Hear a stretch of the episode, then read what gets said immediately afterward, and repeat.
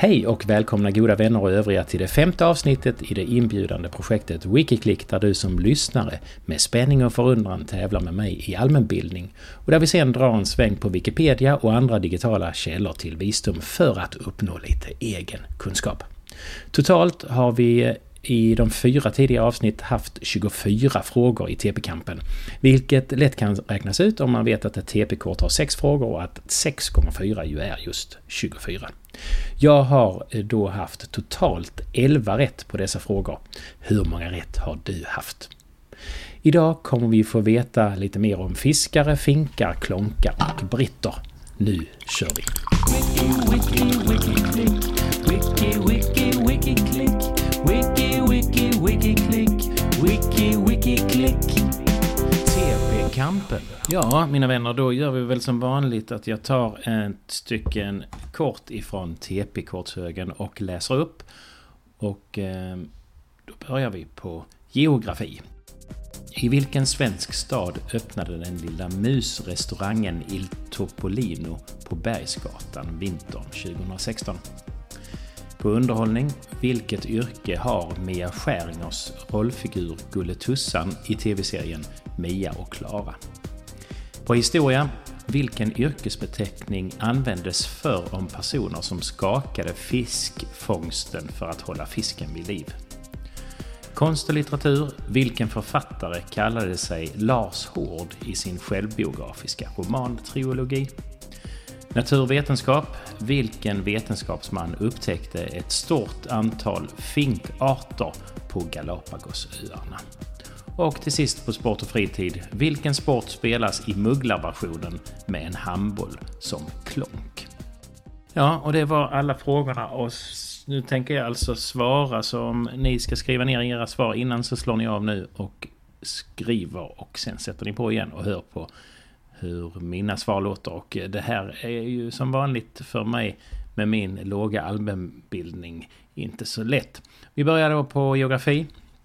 Och den här staden med musrestaurangen och bergs, på Bergsgatan. Och det känns ju, tycker jag, känns jättemycket igen som min närmsta stad Malmö. Bergsgatan ligger där vid Möllan ju och jag har för mig att det har kommit en massa små mushus lite här och lite där eh, Eh, i rännstenar och annat. Så jag svarar Malmö. Eh, så har vi Mia Skäringer på underhållning. Eh, hennes rollfigur Gulletussan, vad har hon för yrke? Och det vet jag inte, jag har inte sett den yrke. Fabriksarbetare är, är hon. Fabriksarbetare säger jag. På historia, vilken yrkesbeteckning användes förr om de här som skakade fiskfångsten för att hålla fisken med liv? Och då tänker jag direkt på ett, eh, på eh, fiskrunkare. Inte för att jag hade en aning om att det var en yrkesbeteckning eller att jag visste att man skakade fisken för. Men jag tänker att jag har hört ordet fiskrunkare eh, sägas fult om människor. Så har vi författaren som kallar sig Lars Hård och eh, plötsligt känner jag ju att jag inte kommer på en enda svensk Ehm, författare. Men och Lars Hård och tri romantrilogi. Jag säger Po Engqvist. Eh, det var enda namnet jag fick fram eh, i min lilla hjärna. Jag tar vidare. Eh, vetenskapsmannen som upptäckte ett stort antal finkarter på Galapagosöarna.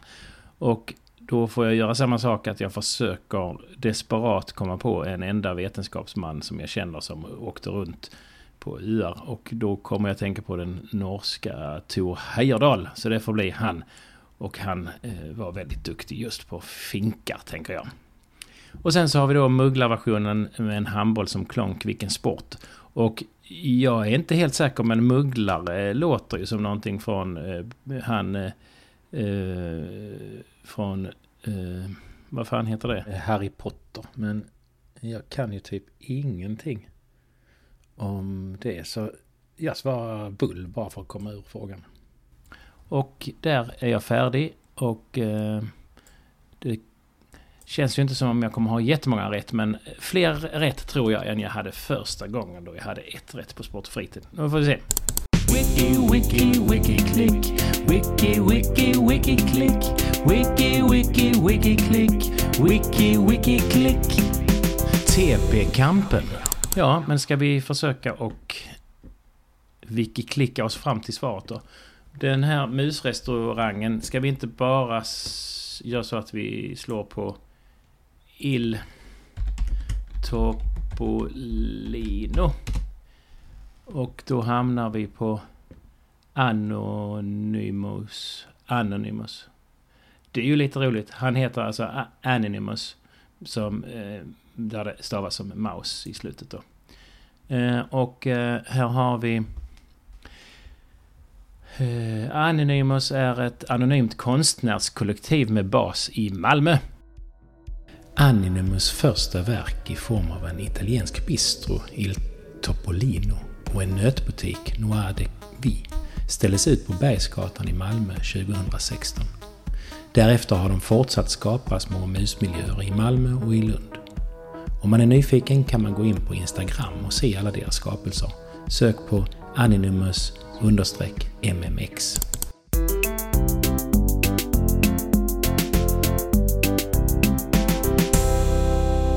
Så har vi då Mia Skäringers rollfigur Gulletussan i tv-serien Mia och Klara. Mia och Klara. Och Klara. Ska vi se om vi kan hitta det bara på Mia och Klara. Eh, det är en humorserie med Mia Skäringer och Klara Simmergren som visades på SVT hösten 2007. Eh, nätverksteknikern. Vad skulle hon heta? Gulletussan, där har vi. Eh, frisören Gulletussan. Alltså en frisör är svaret. Tack för det. Mia Skäringer, född 1976, är svensk skådespelare, manusförfattare, komiker och radio och poddprofil. Hon är bland annat känd som Anna i serien Solsidan och för en av Sveriges största poddar som hon driver tillsammans med Anna Mannheimer. Mia har skrivit boken Dyngkott och Hur helig som helst och spelat den bejublade egna showen Avig Maria No More Fucks To Give. Nu är det jag som går in och testlyssnar på podcasten Skäringer och Mannheimer.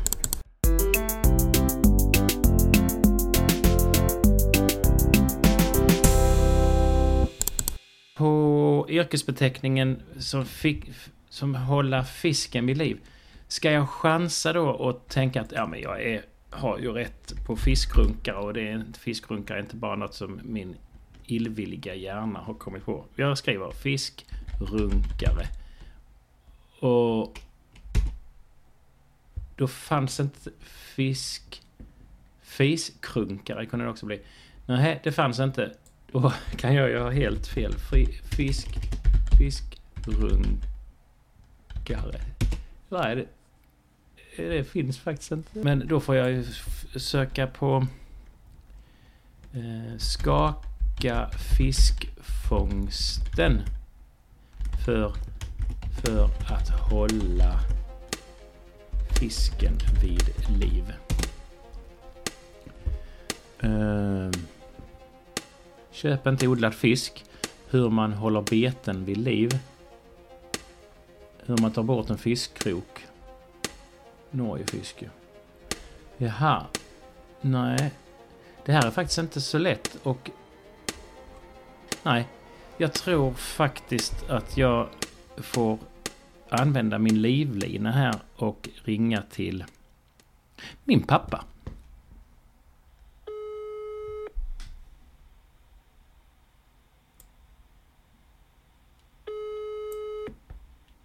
Hallå ja.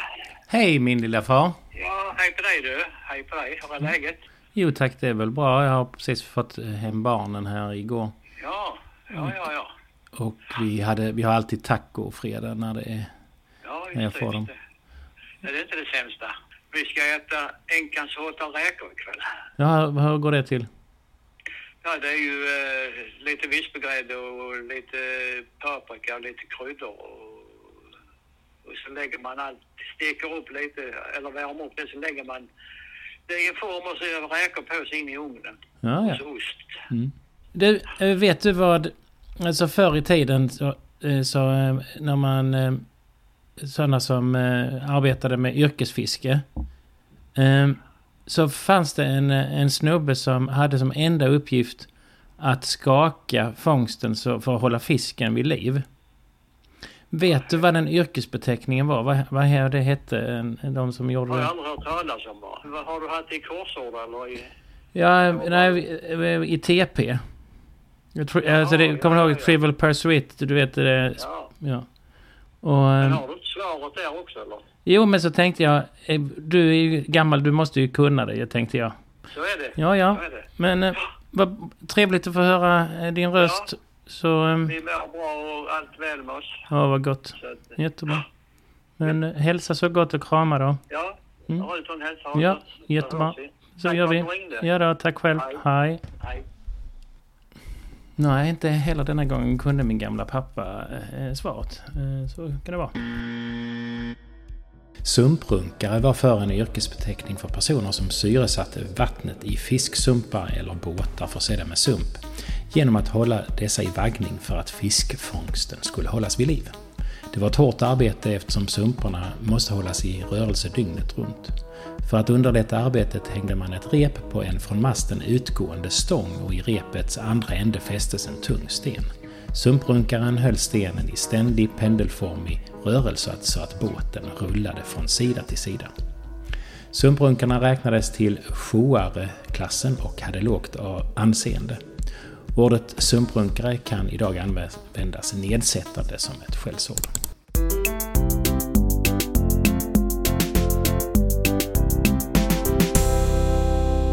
Då tar vi väl nästa då. Eh, vilken författare kallade sig själv för Lars Hård i sin eh, självbiografiska romantrilogi?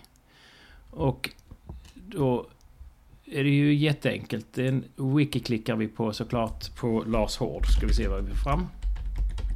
Snälla. Lars Hård film. En roman. Ooh, jag Lars Hård.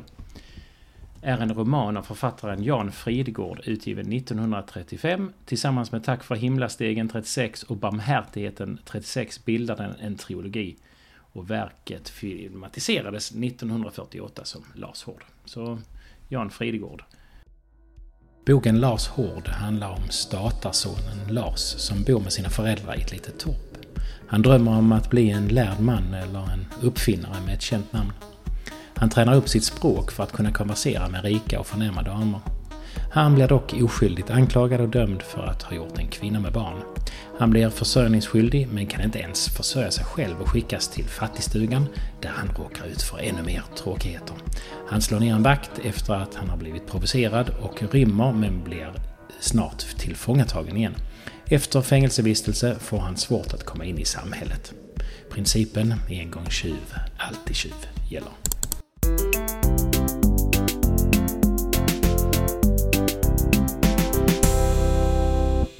Så har vi på natur och vetenskap. Vilken vetenskapsman upptäckte finkarterna på Galapagos? Och jag tror att... Eh, oj, jag tror att jag bara provar att wiki-klicka på Fink eh, Galapagos. Och bara finka på Galapagos. Och... Eh, Jag får fram någonting litet här, Galapagos och eh, Charles Darwin. Så känns ju inte som han var på Galapagos och hittade grejer. Men vad vet jag? Jag vet ingenting av Charles Darwin. Han trodde bara han satt och skrev böcker. Vi ska se. Eh, Gal, jag frisöker nu på ga, Galapagosöarna. Fink. Och Darwinfinkar finns det något som heter. Ska vi... Ska vi ta och klicka på Darwinfinkar? För det känns ju lite som om vi börjar närma oss någonting. Eh, och då är det då att Darwinfinkar kallas traditionellt en grupp med knappt 20-tal arter av tättingar som nästan enbart förekommer på Galapagosöarna. De samlades först in av Charles Darwin på Galapagosöarna under hans andra resa med HMS Beagle på 1830-talet. Och det känns ju som om vi är rätt ute och då har jag fått lära mig att Charles Darwin inte bara satt teoretiskt och skrev böcker. Galapagosöarna består av en ögrupp belägna i Stilla havet ungefär 1000 km väster om Ecuadors fastland. Ögruppen omfattar 18 större öar eh, och cirka 100 mindre. Endast fem av öarna är bebodda. Ekvatorn går över den största ön Isabella. Galapagosöarna är kända för det stora antalet endemiska arter som finns här och även för Charles Darwins forskning som resulterade i hans teori om naturligt urval. Galapagosöarna blev nationalpark 1959 vilket innebar att 97,5% av öarnas landyta skyddades. 1986 blev det omgivande havet ett marint naturreservat.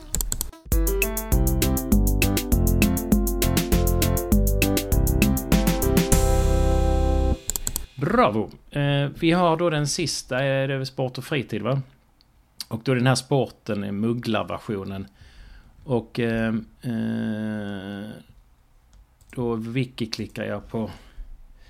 Eller vad ska jag göra? Eh, vi skriver... Vi börjar med klonk då för att det känns ju som vi vill veta vad klonk är för någonting. Så klonk kan... Här står det direkt. Quid Quidditch är ett fiktivt lagbollspel i J.K. Rowlings böcker om Harry Potter. Frisöker på mugglare, klonk, oj, klonk, handboll. Vi får se. Eh, när man kör mugglar-quidditch har man en volleyboll som klonk. Och det känns ju lite som att, att TP har fel för de skriver handboll. Och eh, vad roligt för här står ju då eh, på den här sidan att det är en volleyboll som klonk medan TP skriver att det är en handboll som klonk. Varje lag i quidditch består av sju spelare som flyger på kvastar. Det är tre jagare vars uppgift är att få klonken genom motståndarlagets tre målringar högt upp i luften. Klonken är en basketbollstor röd boll och den ger 10 poäng när den går igenom en av målringarna. De två slagmännens uppgift är att skydda det egna lagets spelare från att träffas av en dunkare. Dunkarna är två svarta bollar som har en egen vilja och flyger omkring och försöker slå ner spelarna från sina kvastar. Slagmännen har slagträ som de använder för att rikta dunkarna mot motståndarlagets spelare. Vaktaren ska vakta målringarna och om en jagare kastar klonken mot målringarna ska vaktaren vara där och fånga den. Och sist men inte minst sökaren vars uppgift är att fånga den lilla gyllene kvicken. Kvicken är en liten gyllene boll med vingar snabb som vinden.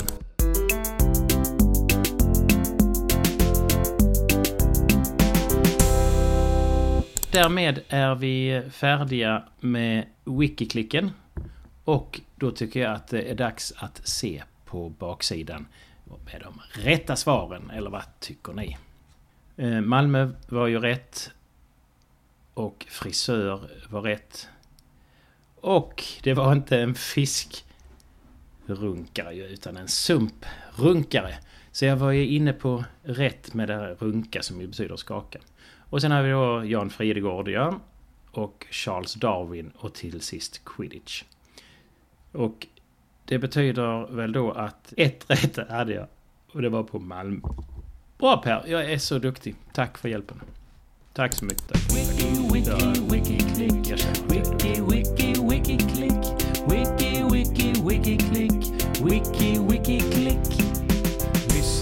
Lyssnarspalten. Då var det dags att gräva sig ner i dagens frågor. Jag har hittat två här som jag tyckte var intressanta. Den första är jag råkade häromdagen höra låten Boten Anna och minns vilken landsplåga det var när det begav sig så kom jag att tänka på en annan landsplåga, Fest hos Mange, och att dessa låtar ju liknar varandra.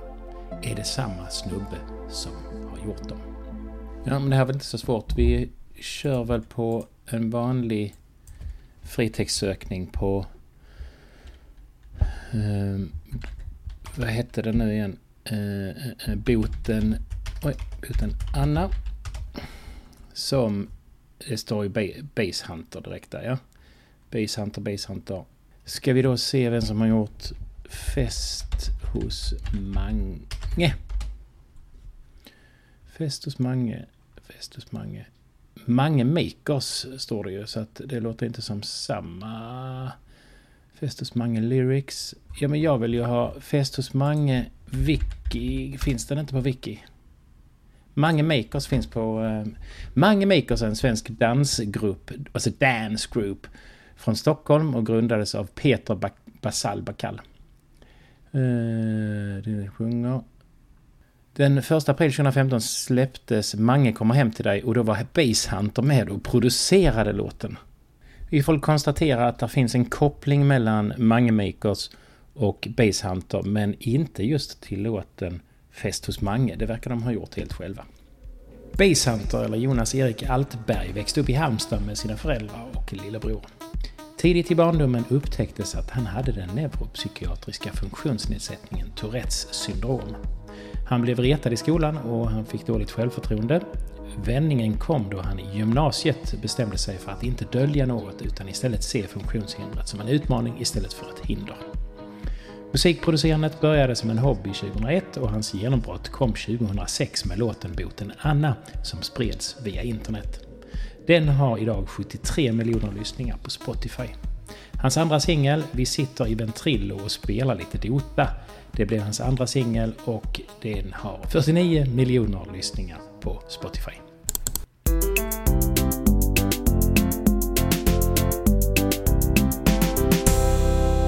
Den andra lyssnarfrågan för idag, den eh, låter så här. På radion sade de för ett tag sedan att det nog inte blir brittsommar. Det där uttrycket har nu legat och gnagat i min hjärna. Avser det någon slags engelsk sommar? Eller är det en sommar som på något sätt är kopplat till en kvinna som heter Britt? Ska vi då slå upp uttrycket Britts... Bri, Brittsommar? Uttrycket brittsommar hänger samman med Birgitta och Britta som har namnsdag 7 oktober. Ursprungligen firades då heliga Birgittas helgonförklaring 7 oktober 1391 och det var då det hölls brittmässa, ibland skriven brittmäss, en officiell höstmarknad. Det förekommer olika definitioner av begreppet brittsommar. Ibland förekommer krav som att den varma perioden måste komma efter en period av lägre lufttemperatur under dagen eller att temperaturen måste vara över 20 grader någon gång under dagen. Enligt SMHI finns en legend som säger att heliga Birgitta tyckte att klimatet i Norden var så kallt och bistert att hon bad för invånarna. Herren, han ska då ha svarat med att kring den heliga Birgittas dag ge invånarna extra sommardagar. Det tidigaste belägget för ordet brittsommar i svenskan är från 1856 från Fredrika Bremers bok Herta. Brittsommar har även benämnts som fattigmanssommar och grävlingssommar. Tiden då grävlingen är ute och samlar sitt förråd av livsförnödenheter för vintern. Uttrycket brittsommar finns endast i svenskan. I ett antal andra europeiska länder förknippas varmare perioder under hösten med andra helgon som Martin av Tours kopplat till den 11 november och Lukas kopplas till den 18 oktober. Wiki, wiki, wiki. Wiki,